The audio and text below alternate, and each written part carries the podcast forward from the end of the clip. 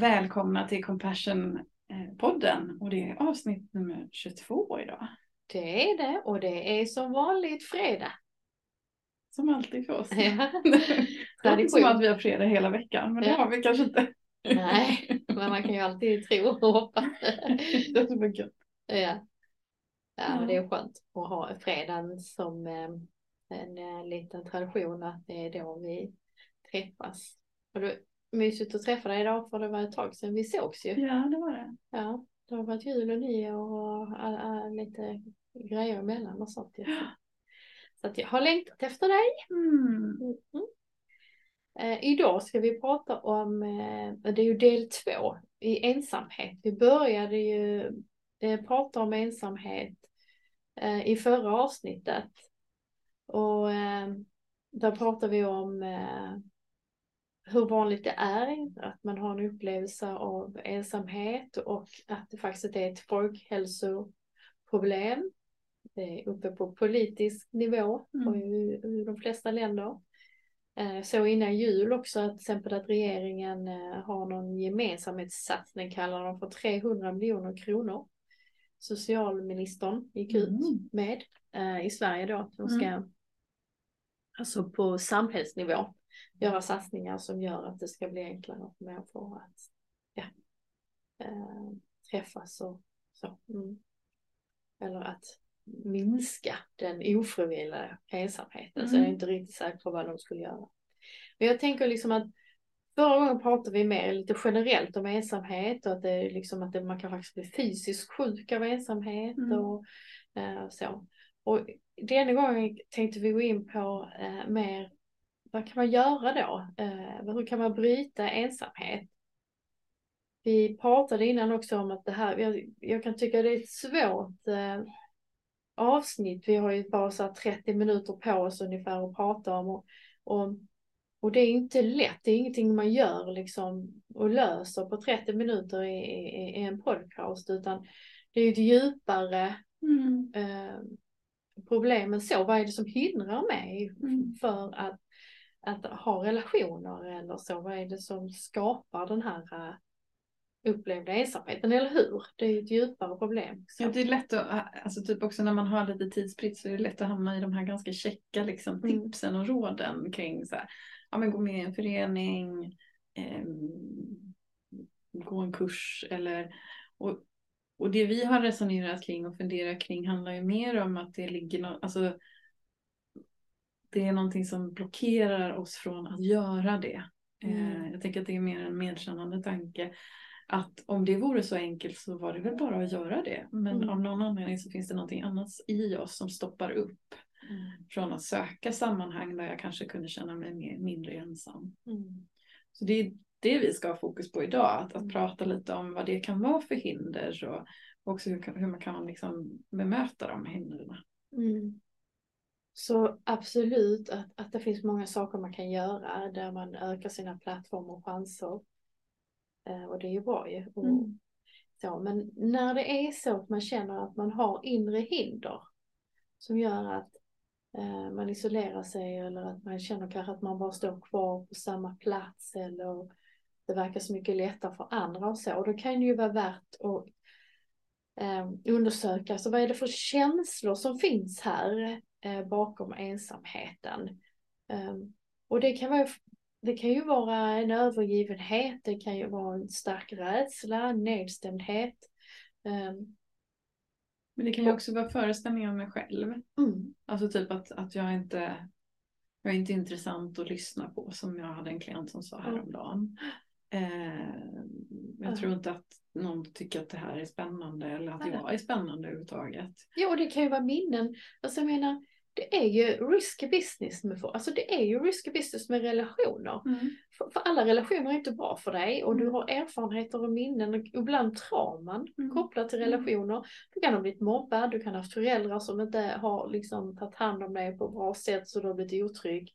Um, kan ha varit erfarenheter, en dålig relation och så som, som klart sätter sig Mm. jättedjupt i själen. Ehm, och en känsla som är väldigt, väldigt vanlig som man jobbar mycket med i compassion är ju skam. Mm. Och vi har pratat om det tidigare, skam och självkritik hör ju ihop. Man kan säga att självkritik är ju den liksom, kognitiva biten, den mentala biten av, av, av skam. Så vi tänkte att det skulle vara lite intressant att, gå in och kolla på just eh, hur kan liksom eh, och skammen och självkritiken hindra oss för att leva det liv som vi skulle önska. Mm. Och lite repetition för er då som inte har lyssnat på några andra mm. avsnitt där vi har pratat om skam. Så äh, tänker vi att skam är en känsla som finns där för att egentligen re reglera oss i sociala sammanhang så att vi inte gör bort oss helt enkelt. Mm. Eh, och skam är en väldigt kraftfull känsla i att dra mig undan från sociala sammanhang. Det är därför vi också pratar om skam när vi pratar ensamhet. Mm. För det är oftast en, en, en tydlig reglering eller regulator av vårt samspel med andra som gör att vi faktiskt kan bli ännu mer ensamma. För att vi drar oss bort. Vi försöker liksom på något sätt minimera skadan. För att vi tror att, att vi kan på något sätt skada de här relationerna vi har. Mm. Ja, känner man skam, det är ju som om man vill försvinna ju, mm. eller hur? Mm. Mm. Och, och, och ta den över ens liv liksom och, och, och, och, och man också utvecklar en stark självkritik, en inre röst som, eh, som eh, säger till en att eh, det där är bäst att du inte gör för att det gick åt helskotta förra gången eller så.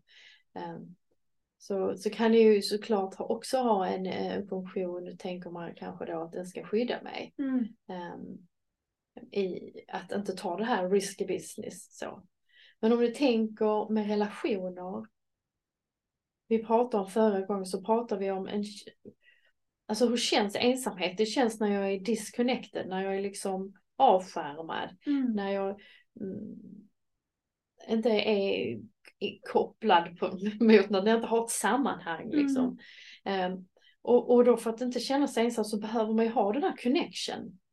Um, och connection får man ju när man får liksom bjuds in till någon annans um, tankevärld och känslovärld och någon annans liv ju, eller hur? Att man får en glimt av någon annan och då mm. kan man spegla sig, mm, jag är inte ensam med att känna mm. och tänka så. Och man kan spegla sig i varandra och då får man den där känslan av connection. Mm. Och då minskar ju ensamheten. Mm. Så att eh, jag är inte ensam i världen utan det finns mer människor som fungerar som jag eller så. Eh, som bjuder in mig och så. Just det, och i förra avsnittet pratade vi lite om förväntningar och, liksom idéer vi kan ha kring ensamheten vilket jag tänker blir viktigt i det här sammanhanget också, att, att vi kan ha idéer om att, att eh, är jag tillsammans med någon så är jag inte ensam. Men vi kan ju också vara ganska ensamma i andras närvaro till mm. exempel. Att det handlar mer om just det du beskriver med att mm. känner jag liksom någon form för samhörighet, kontakt, kontakt mm. Med min omvärld. Mm. Det behöver inte ens vara en specifik person. För det kan till och med vara att lyssna på en podd, att jag liksom känner så här, oh, nu känner jag att jag är liksom i kontakt med andra i det som är jobbigt för mm. mig eller svårt för mig. Så det kan ju också vara en typ av connection. Mm. Bara så att man inte går runt med den föreställningen att det måste vara att vi ska hänga. Nej men gud, man kan ju ha en relation eller man kan ha jättemycket vänner men om du känner en icke-kontakt. Mm. Det var det vi pratade om mm. förra gången också. Du tycker inte alls om icke-kontakt. Liksom, det ger oss en jätteobehaglig känsla. Mm och att jag inte finns, att jag är osynlig då blir man väldigt ensam. Mm. Men som sagt, för att få connection med någon annan och komma någon nära någon annan så behöver man ju visa sårbarhet. Ja. Mycket läskigt. Jätteläskigt. Superläskigt. Och det här kan vara olika läskigt för, beroende på vad du har för eh, inlärda mönster, vad du har för eh, i bagaget med dig. Ja. Eh, du kanske har förlorat tilliten till människor och du kanske också har förlorat tilliten till dig själv. Mm. Så. Och jag tänker att vi vet ju aldrig riktigt. Men när vi närmar oss en person, jag har en idé om hur de ska reagera, men vi vet ju aldrig helt, helt och hållet. Mm. Eh, så jag, jag tänker på det att det är lite som när man, när man liksom spekulerar på, med aktier eller så. Att nej, du vet ju inte om du kommer få utdelning. Nej. Men du har en förhoppning om det. Mm. Och jag tänker att det, det, är så vi människor gör när vi försöker ta kontakt med andra. Vi har en förhoppning om att det här ska bli någonting bra. Mm. Sen blir det inte alltid det. Nej. En del människor eh, kommer vi nära och connectar med. Och en del människor ska vi inte göra det med för att de kanske inte är så bra för oss. Mm. En del människor behöver man ju skydda sig från. Mm. Så är det. Men jag tänker generellt så som vi människor är funtade så ger den där, den där samhörigheten eller connectionen, det ger ett välbehag i oss. Mm. Jag tänker att det har med att vi är Mm. liksom flockdjur och att vi är Mm. däggdjur. Mm. Att, att oavsett hur man är, oavsett om man är introvert eller extrovert, så kan det, det där att få känna en samhörighet och känna att jag är en del av något, ger ändå ett välbehag i oss. Mm. Så det jag tänker, och det är ju sant för oss alla egentligen. Mm. Eh, det är ibland min tröst när jag, Mm. när, om jag försöker liksom bemöta någon eller möta någon och de inte ger det bemötande som jag tänker att de kanske är snorkiga eller Mm. liksom hugger av mig. Då kan jag hitta lite tröst i att, att det finns hos oss alla Mm. En längtan efter någon form för samhörighet men det är inte alltid folk är redo eller förmår eller Mm. kan. Nej.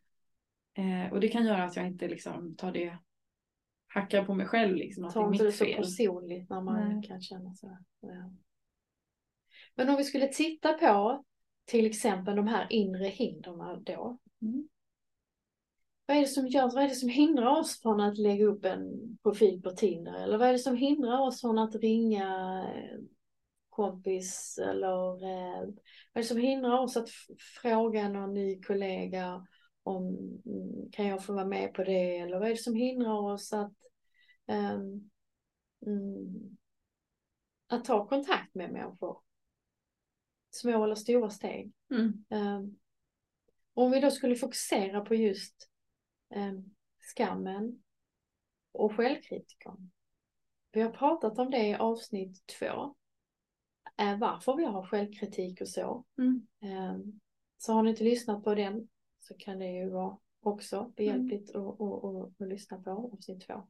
Men här tänkte vi göra en, för att visa er till exempel hur man kan jobba i terapin eller så för att tydliggöra självkritiken. Mm. Vi har den alla inom oss. Mm. Det är så det är att vara människa. Mm. Den styr olika mycket beroende på eh, vad vi har varit med om eller hur mycket vi har jobbat med den och förstår den. Så vi tänkte göra en liten övning här som, som är ganska vanlig i compassion, eller den är vanlig i compassion. En, en man kallar det för en stolsövning.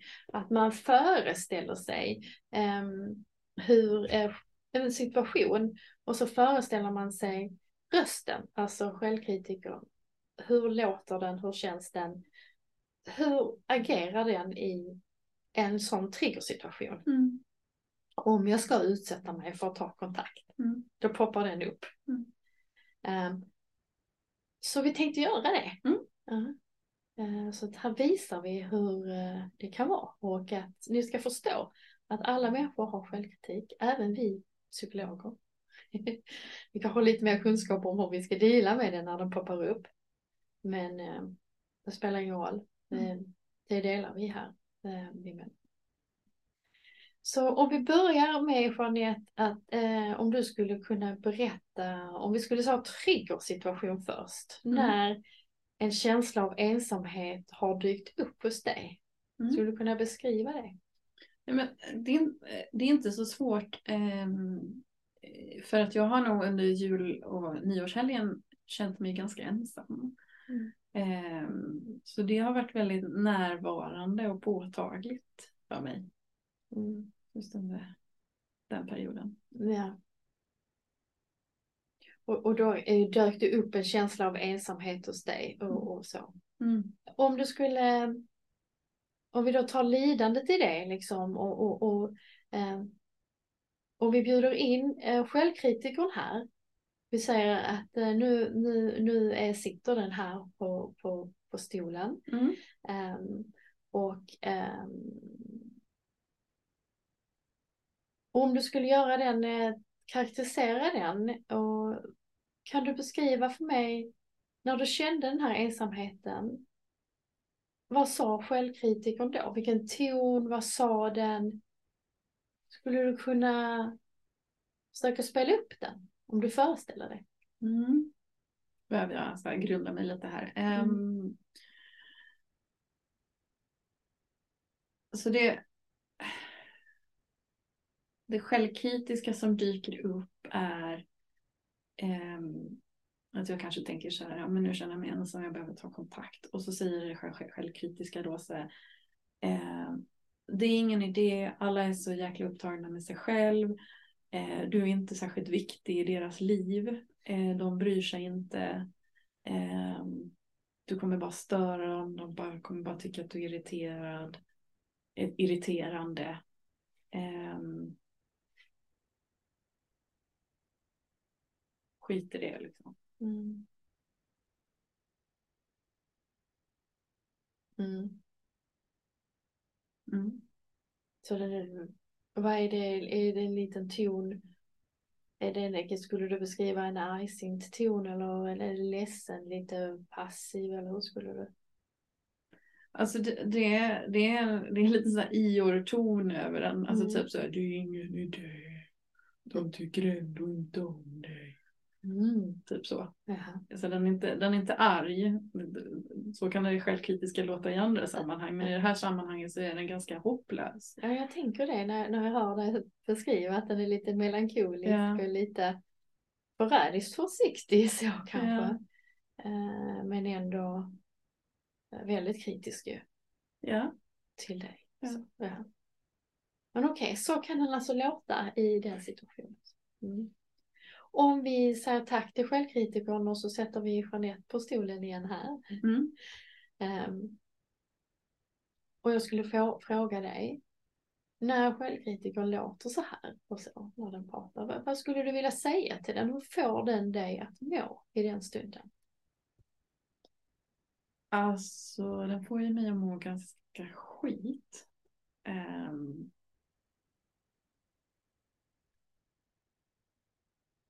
Och i den bästa av världen så skulle jag bara säga så här, men vi- bara vill jag be den dra åt helvete. Men jag vet att det gör jag ju inte. Utan jag går helt upp i det. Jag bara, nej, nej, det var alldeles rätt. Det är Mm. ingen idé. Mm. Så den får dig känna dig liksom hopplösheten. Absolut. Mm. Hur känns det i kroppen då?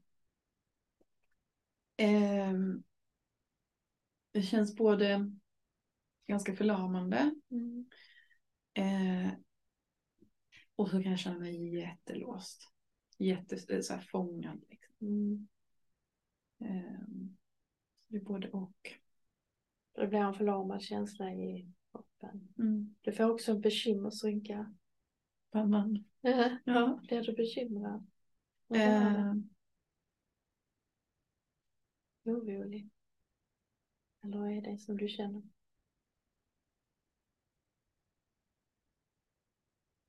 Nej, men det är ju en väldigt jobbig känsla att känna att det inte, alltså det finns ingen lösning. Det går inte att göra någonting åt det här. Mm. Ehm, ja, Du tappar kraft i det. tappar jättemycket kraft. Mm. Absolut.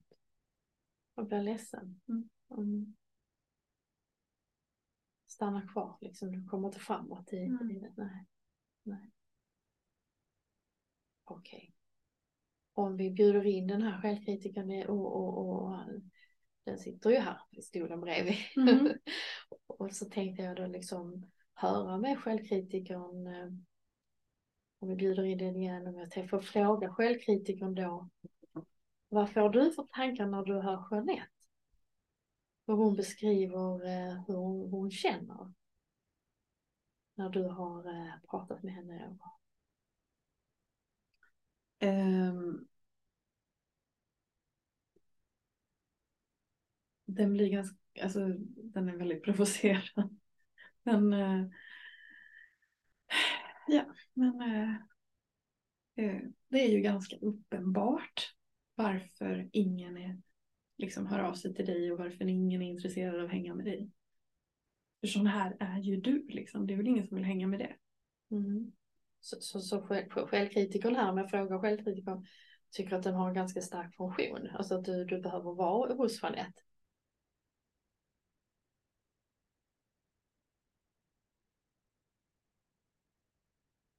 Är du viktig? Det är den känslan jag får, men du kan beskriva för mig. Mm.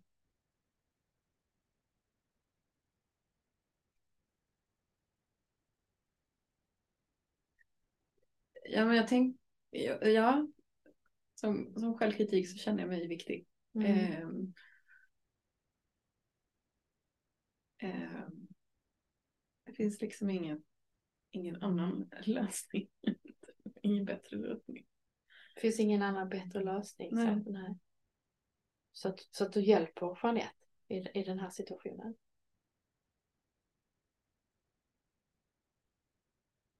Ja, hon gör ju ändå hon gör ju inte bort sig. Ah, så du hjälper henne och skyddar henne. Mm, Alltså- för att då gör hon ju inte bort sig. Om hon bara stannar hemma och, är passiv så kommer hon ju inte känna Behöver hon inte ringa folk och typ skämma ut sig eller? och skämma ut sig och de bara "Ah, suck nu är det hon. Ah, Okej, så att då är det funktionen med, med dig då självkritikern förstår jag då är att du ska skydda henne från skam eller att hon ska göra bort sig. Att du ska liksom skydda henne från det här obehaget Mm. det innebär när andra liksom säger nej eller så. Mm. Mm. Mm. Ja.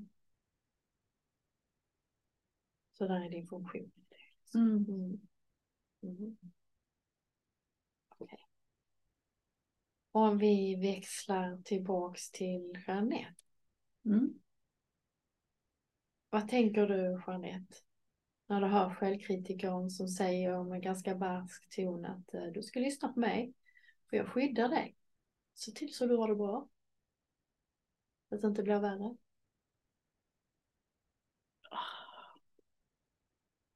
Alltså det, eh, det, det triggar ganska mycket ledsenhet i mig för att jag vet ju att det har varit så historiskt.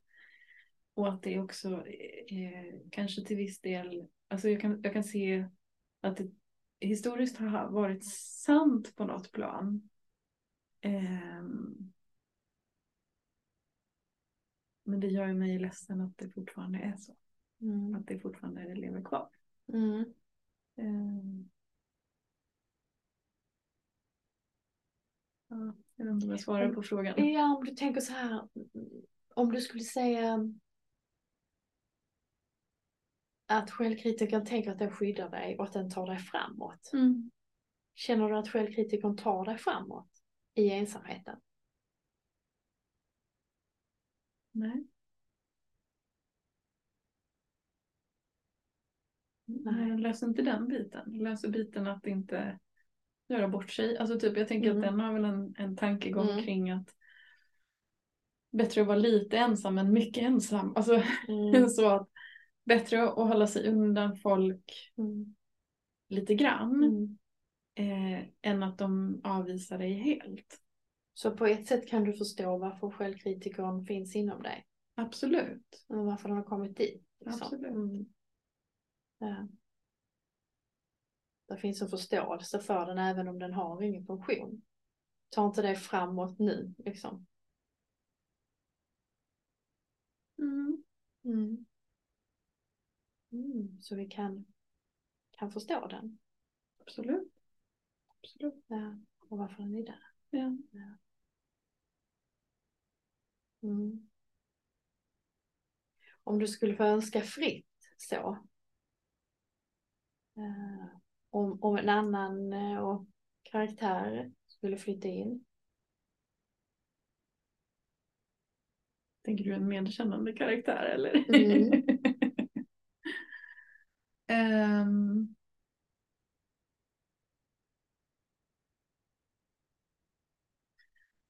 Ja, den här medkännande sidan eh, som jag tänker så här, den är, inte, den är ju inte given utan den kan man behöva få träna upp. Mm. Men, men eftersom jag har gjort det. Mm. ehm, För, jag har redan hört det nämligen. Ja, Du var lite medkännande till självkritiken där, att du kan förstå att den försöker ju skydda mig så att vi har redan lite kontakt med den Mm. tänker jag. Här, att okej, den hjälper mig inte riktigt.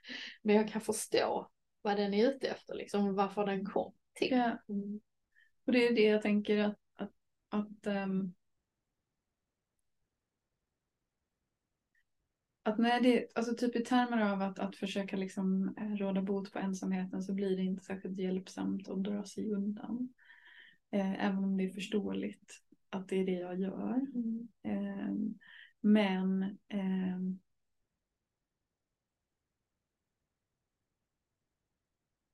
den här medkännande sidan brukar liksom in, faktiskt säga åt mig att nu behöver du mobilisera mod Mm. för att eh, göra något annat. Mm. Alltså typ, även om impulsen i dig är att dra dig undan och inte, Mm. inte vara sårbar som, som du pratade om innan. Eh, så är det precis det jag behöver göra här. Mm. Att det är precis det jag behöver göra. Jag behöver faktiskt kanske lyfta luren och säga att jag känner mig ensam eller liksom ge uttryck för det till, till någon som jag känner mig trygg med. Mm. Eh, Mm. Men vad fint. Här kan vi ju se i den övningen här kan vi ju faktiskt se att ehm, ehm, vi har satt um, självkritikern i spotlighten. Vi har medvetandegjort, känt efter hur, vad händer när den triggas i Mm. det här. Ehm, hur får den mig att känna? Mm. Vi kan också börja rikta en förståelse, att vi förstår här. Um, den är här för att hålla mig i örat. Den är här för att den vill kontrollera mig och skydda mig från att eh, obehag, skam, alltså att, att, att, att, eller bli sårad från andra människor sådär. Mm. Um, Den är rädd för alltså den är rädd för att jag ska bli avvisad. ja, precis, för det är så fruktansvärt obehagligt. Mm. Um, men vi kan också se liksom i den förståelsen så kan vi börja få kontakt med medkänslan. att Mm. Okej, jag fattar var du kommer ifrån. Du, du vill mig väl. Mm. Ehm, jag tänker det är en bra start där, eller hur? Mm. För att börja utveckla en annan karaktär Mm. som kanske kan eh, motivera en på ett annat sätt. Mm. Motivera en att möta känslor på ett medkännande sätt som lugnar en men kanske också skyddar en. För jag tänker En att annan motivator. Som, precis. Mm, För det tänker jag att man, man får inte glömma den här rädslan för att bli avvisad. Den, är ju liksom, den, kommer, den finns där. Liksom. Mm.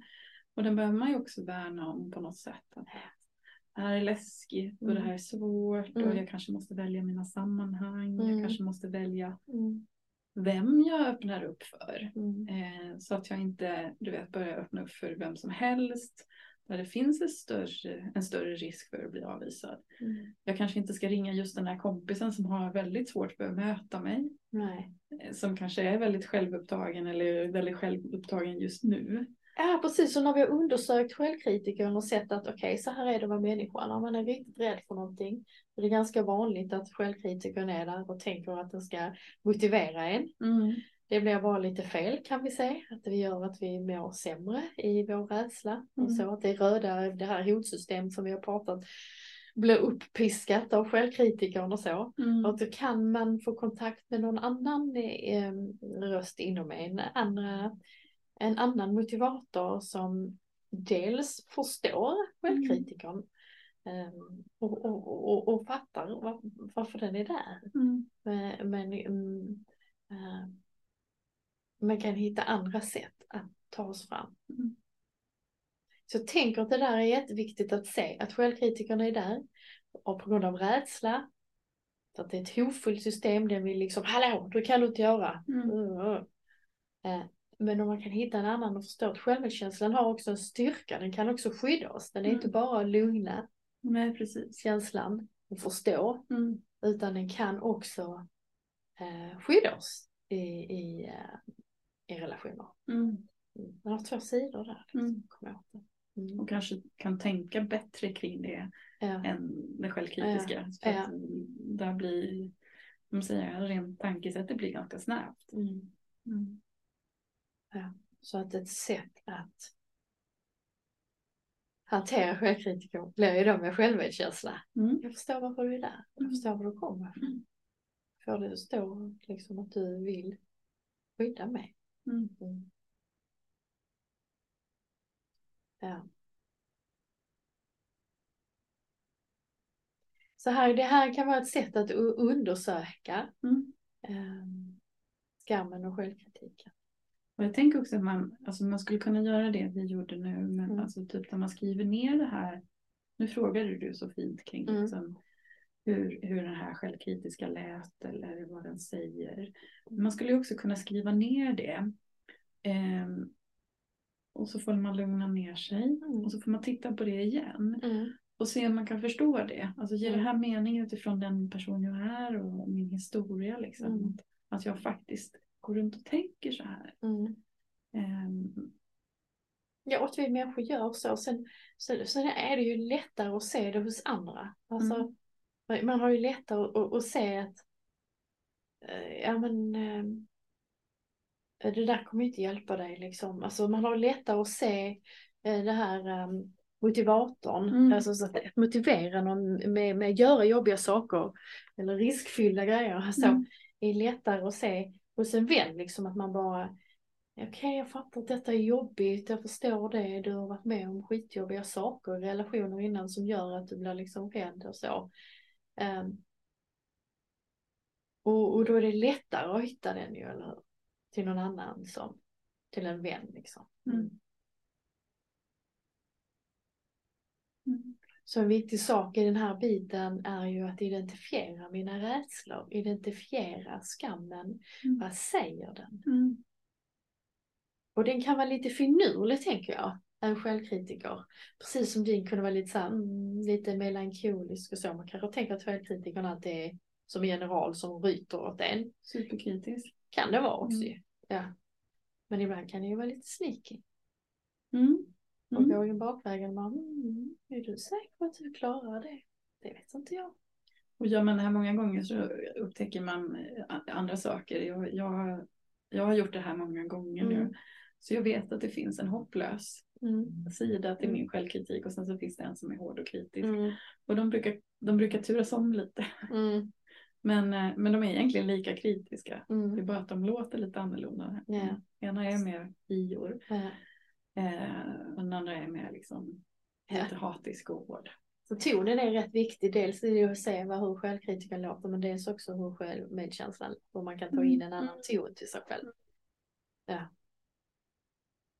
För att det lugnar ju en i det som är jobbigt. Mm. Det detta sätter en viktig pinpoint på, tänker jag, är varför är det så svårt med självmedkänsla? Jo, därför att det finns en uppfattning att självkritiken skyddar mig.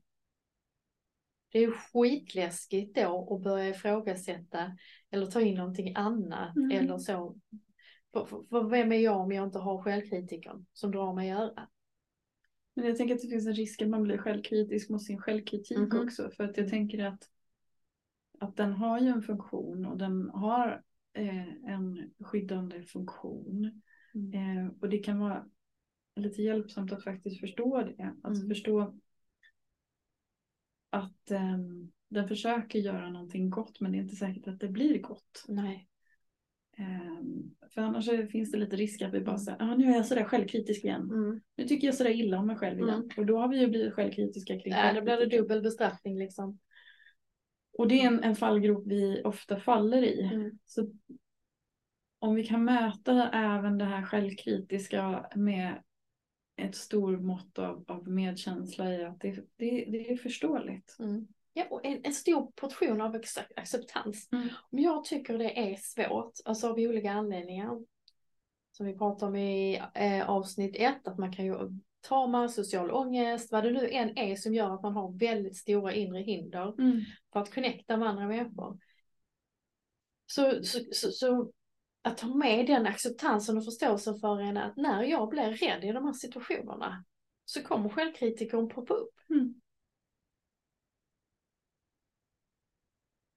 Att jag, inte, liksom, att jag bara märker, okej, tack så mycket, jag hör dig, jag Mm. förstår eh, varför du kommer nu, så jag har inte så stort behov av det just nu. Utan kan man bjuder in och, och tränar sig på att eh, bjuda in just självmedkänsla. Mm. Mm. Absolut. Ja. Att hur kan jag i små steg utmana mig? För att om vi säger att bryta ensamheten så är det ju just i små steg Mm. förstå sig själv. Vad Mm. är det för inre hinder? Vad är det för rädslor? Är skammen där? Är självkritikern där? Det kan vara andra grejer också man har. Men självkritikern kan ju vara hopplös. Alltså det är ju också Mm. ett, liksom, ett undvikande eller hur? Ett Mm. undvikande av någonting. Alltså hopplöshet eller att problematisören ibland brukar jag också, där är också du vet att jag har problem av allting och det går inte för det går inte för det och då kommer du inte klara det och så går det. Så Mm. kan ju vara lite olika, eller hur? Hopplöshet, problematisören eller ren självkritik. Du är Mm. helt kass. Liksom. Mm. Mm. Och kan jag förstå det, ha lite avstånd till det med, med medkänsla och kan ju ändå i små steg utmana mig fast den är med mig. Mm. Och kanske våga, alltså jag tänker både skammen och självkritiken får ju oss oftast att dra oss undan. Finns det någonting litet jag kan göra för att ta ett steg i motsatta riktning, alltså ett steg närmre någon annan, Mm. närmre andra, Ja. närmre vissa sammanhang. Mm. Ja, precis. Att ta det där i små steg. Det är inte svart eller vitt, utan försöka se att okej, det här är svårt för mig. Så hur kan jag eh, motivera mig själv på ett annat sätt? Hur hade jag pratat med en kompis? jag lägga upp det i små steg? Kan det börja med att jag bara börjar titta lite mer och ta mer ögonkontakt med människor? Och, och lägga märke till vad händer då? Kan jag lugna mig själv i det? Mm. Eh, Kan det vara liksom säga hej till grannen? Kan det vara att ehm, ehm, våga prata med någon om eh, ensamhet eller så? Mm. Alltså små steg liksom. Jag Att tro- lite. Jag Ja. tänker att man testar lite. Jag Mm. tänker i eh, jämförelsen med, med att investera på börsen är inte så dum i att du investerar ju inte hela ditt livs besparingar på Nej. börsen med en gång. Mm. Utan först så kanske du lägger in 100 kronor. Och jag tänker att vi kan göra likadant här när vi ska börja och göra annorlunda och vara sårbara. Mm. Att vi testar i, ett, i små steg istället. Att kanske bara säga så här när någon frågar hur helgen varit. Mm. Nej, jag känner mig ganska ensam. Mm. Och så ser man lite, vad Mm. fick jag för reaktion? Ja. Eh, kan jag gå vidare med det här? Alltså Mm. verkar det vara någon som faktiskt är genuint intresserad och Mm. vill connecta med mig? Mm. Men då kan jag berätta lite mer. Mm. Eller berätta lite mer nästa gång. Mm. Eller, men är det någon som bara, ja ja, nej men jag tittade på fotboll. Mm. Eh, nej men då är det ett, ett Ja. tecken till mig att nej Mm. men här, här får jag nog backa för det blir inte bra för mig om jag Mm. kommer där med allt det här jobbiga som jag känner och blir avvisad. Det stärker ensamheten. Mm. Att Jag- våga fånga nyfikenheten lite och förstå liksom att alla människor är ju, kommer man ju inte connecta med eller passa ihop eller bli vän med eller vad det nu kan vara. Det, så är det ju inte liksom. Det är ju också, och jag kan ju också välja vilka jag vill ha in i mitt liv. Lite känna den Alltså man får ju självförtroende ju, i små steg. Mm. Små, små steg. Så jag känner lite starkt, känna att liksom bara nej men den här verkar inte så trevlig. Nej men det är ju upp till mig om jag vill fortsätta prata med den personen eller inte. Mm. Eller att um, för då, där byggs ju självtilliten upp också. Att Mm. jag kan ta steg framåt, jag kan backa. Mm. Jag kan fundera på vad jag tycker om hos människor. Vad vill jag ha i en relation? Vad vill jag? Vad söker jag efter och så. Mm. Ja. Så att det inte bara är rädslan och självkritiken som styr och har hela så, utan att det ger utrymme till annat. Och jag tror att det här med att vi kan faktiskt välja våra sammanhang är en liten ovan tanke för väldigt många. Mm. Eh, att jag inte, alltså för att vi tänker så här att, att alltså vi nästan står och kurar ihop oss lite gentemot varandra. Så bara, välj mig, välj mig, Mm. välj mig. Mm. Men att vi inte har eh, riktigt eh, förstått att jag kan välja. Mm. Utan vi tror att det är någon annan som ska välja mig. Mm. Och att jag kan gå Mm. ut och, och prata med någon som Mm. jag gillar. Som får mig att jag, och jag kan skydda mig på ett annat sätt än att vara hård och självkritisk och för jävlig mot mig själv. Mm. Jag kan skydda mig, jag kan ha en stark röst som säger nej, backa, det här är inte bra för dig. Mm. Alltså det är lite som om, om man har barn till exempel så behöver man ju ibland eh, säga på skarpen till dem när de är ute på hal liksom. Mm. Det behöver inte betyda att jag knäcker dem och är kritisk Nej, och nej. går liksom men o- o- om när mina barn var små så behövde man ju ibland ryta till liksom bara Ja. nej ta inte på den, nej nej nej, backa.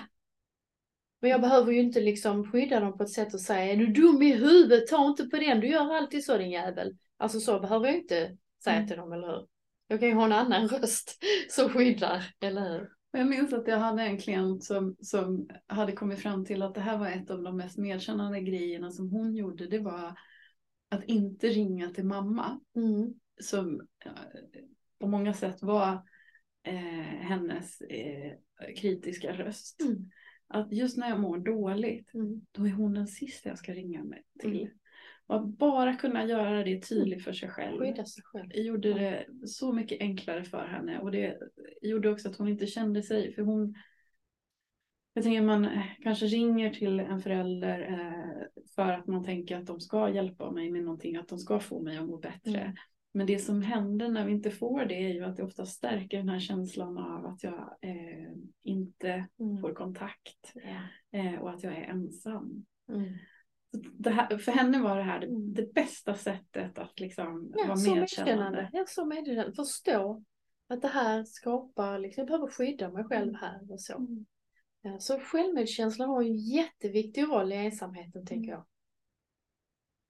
Den kan motivera en, ta små steg och kom igen nu, jag fattar att detta är skitjobbigt. Mm. Nu hör jag självkritikern, jag fattar också var den kommer ifrån, tack så mycket.